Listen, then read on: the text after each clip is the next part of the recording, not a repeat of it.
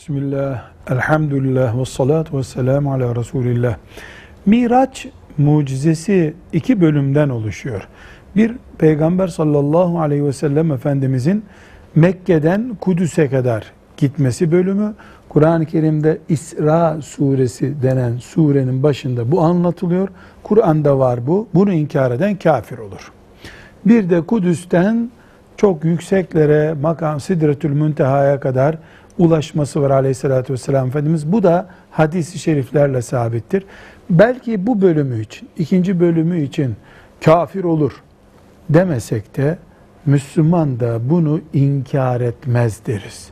Onlarca hadisi şerif var kitaplarımızda bununla ilgili. Velhamdülillahi Rabbil Alemin.